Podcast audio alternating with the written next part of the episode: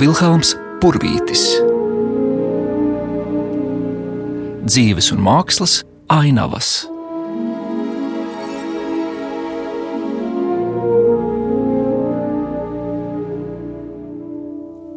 Es esmu Maija Brasliņa, izstādes purvītas kuratore.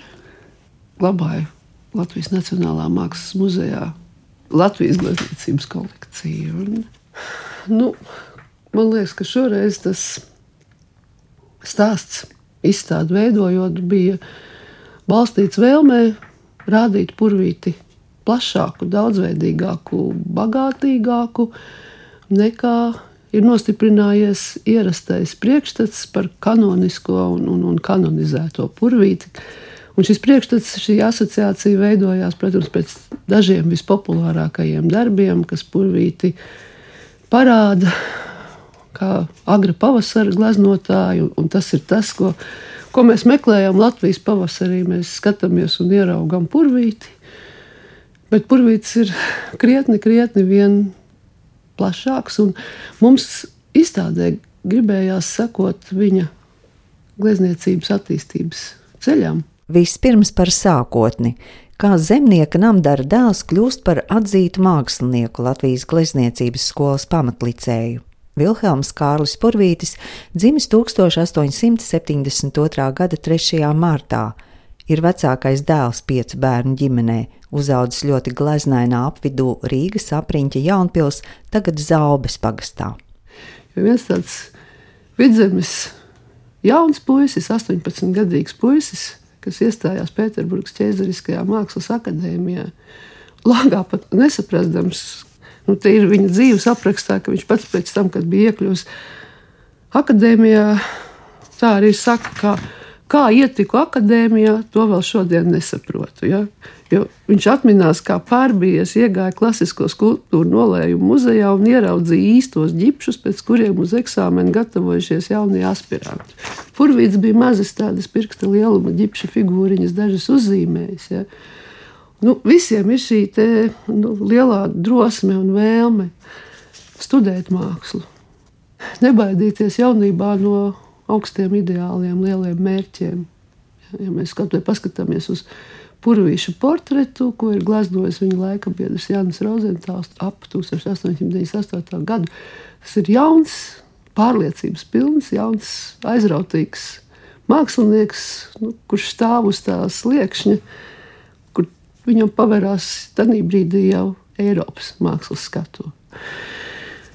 Raugās uz agrīno purvīti, tad tur tas kodols visam tālākajam jau ir. Gan atrastās tēmas, motīvi, gleznieciskās idejas, un, un, un tā viņa mērķtiecība, aizrautība, vēlme visu kritiski pārbaudīt, iekausējot pašam savā individuālajā stilā un rokrakstā. Purvītam ir tāda sava pašattīstība, kurā tad sajūta viņš sacenšas pats ar sevi, pats sev izvirza tos mākslinieciskos uzdevumus, pats sev to latiņu ceļu. Un eksperimentē, un varijē, un atkārto neskaitāmas reizes, tiksim, kādas glezniecības problēmas risinājumu vai kādu motīvu atkārtojumu, līdz nu, sasniedz tādu rezultātu, kas viņu pašu apmierina. Un, man ir vienmēr ir paticis kāds citāts, kas ir saglabājies purvīša audzēkņa atmiņās, un varētu būt paša purvīša teikts, ka mākslinieka ceļš ir garš un gala tam vispār nav. Un kad šķiet, ka pie apgājuma ir redzams mērķis, tas attālinās vēl jau tālāk. Un tas man liekas ļoti labi raksturo šo purvīša būtību glezniecībā. 1909. gadā Vilhelms Purvītis tiek ievēlēts par Rīgas pilsētas mākslas skolas direktoru. Patiesībā mēs Purvītu varētu uzskatīt par mākslas izglītības tradīciju veidotāju un radītāju Latvijā.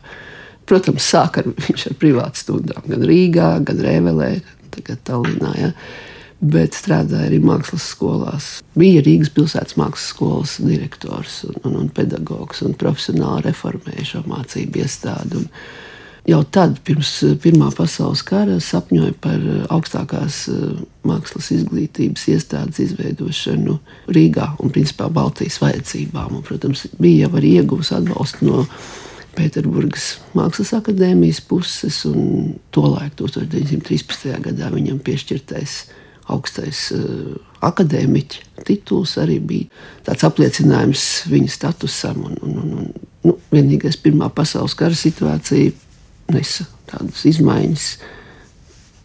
Šo skolu Rīgas pilsētas mākslas skolu nācās evakuēt. Toties pēc Pirmā pasaules kara Latvijas brīvvalsts apstākļos ar grūtībām, bet Purvītis un domu biedri spēja nodibināt Latvijas Mākslas akadēmiju un, un veidot šo augstākās mākslas izglītības tradīciju ja, savā rokā. Būdams gan rektors līdz 1934. gadam, gan no paša sākuma līdz pat aizbraukšanai uz Vāciju, vadīdams arī dabas skatu meistardarbnīcu. Ieskicējam privātās dzīves līniju. Purvītis kopā ar Johanu Valteru, savas nākamās sievas, ja, nolūkoja Jelgavā. Purvītis aprec eh, Karolīnu Štelmaheri, Jelgavnieci, no tādām Baltijas vācu aprindām. Abas dāmas, Valtera un Purvīša nākamās sievas, ir iegleznotas priekšplānā slavenajā Valtera diploma darbā Jālgavas tirgus, kur savukārt saulēnajā tirgus laukumā par mākslinieku, gleznojošu mākslinieku modeli vai prototipu ir kalpojis pats Purvīts. Tā, tā ir tāda vēsturiska liecība gleznieciskā izteiksmē.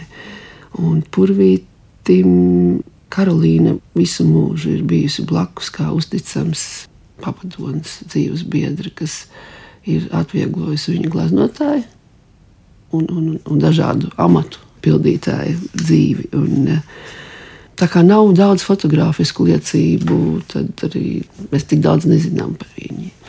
Ir šīs eh, dokumentālās filmas jau mūža nogalē, 39. gads, kur Purvītis gan ar Karolīnu, gan ar auģu meitu Marionu, kas viņa dzīvē parādās 1939. gadā, un ir Karolīnas brāļmeita, kas tiek pieņemta Purvīša ģimenē neilgi pirms šīm sekojošām okupācijas, abu okupāciju jukām ja, un, un aizbraukšanas uz Vāciju. Tad tā ir tā ģimeniskā puse, un, un, protams, ir tie fotoattēli, kur mēs redzam purvīti ar, ar, ar Karolīnu un arī ar Karolīnas māti. Aspāzijas bulvāra dzīvoklī, kas reizē kalpoja purvītim arī par darbnīcu.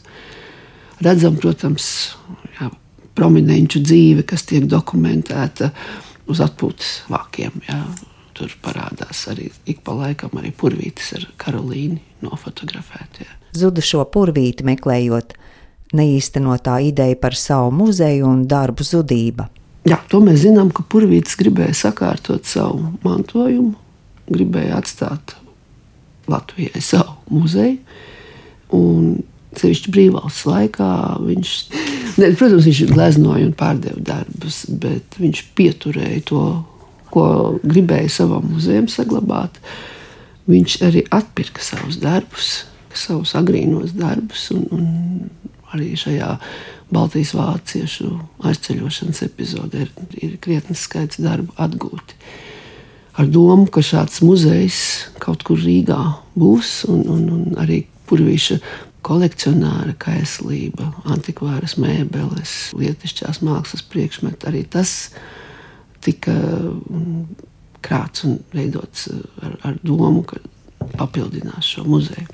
Taču Purvīša mākslinieckā mantojuma liktenis varētu būt viens no traģiskākajiem mūsu mākslas vēsturē. Jo Purvīša darbi ir zuduši abos pasaules karos. Bet, nu, protams, tas lielākais un traģiskākais zaudējums ir 1944. gada rudenī, uz Vāciju aizvestie darbi, kas pazūd bez vēsts. Pirms tam, protams, ir 1944. gada vasara, kad liela daļa uz Jālgavu, uz Karolīnas māju namiņu izvestie darbi un, un arī visas šīs pieminētās vēsturiskās mēbeles sadeg. Nu, un arī to purvīšu glezna liktenis, kas pēc 1942. gada izstādes palika Rīgas pilsētas mākslas muzejā. Ja? Kā mēs zinām, šai pēdējā personāla izstādē Purvīts bija izstādījis nu, pēc kataloga ziņām 300 darbu, bet eh, kā presa rāda un kā Kristiāna Ābele ir noskaidrojusi, Tur ir vairāk par 330 gleznām. Nu, lielāko daļu mēs vispār neesam redzējuši un nezinām. Jā, ir, ir, ir katalogs, kur var lasīt kā dzīvi. Bet pa Vāciju savukārt sarakstē ir runa par kādām 16 kastēm, kas klīst un neatrodas. Ja? Purvītis īsi pirms nāves saņēma ziņu, ka gleznas it kā ir atrastas. Ja? Un varēja droši vien arī ar tādu domu aiziet.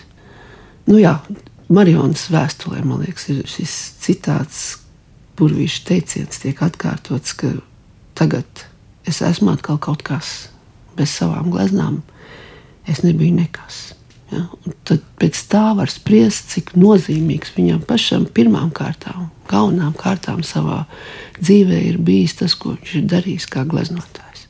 Nav zināma purvīša mākslinieckā mantojuma skaitliskā izteiksme, nav zināms arī zudušo darbu kopskaits. Tā iespējams paliks līdz galam neuzminēta mīkla, taču ir kas tāds, ko purvītis nevarēja iedomāties – Purvīša veidotās ainavas nospiedums mūsu apziņā, un to nevar izmainīt ar gleznu skaitu.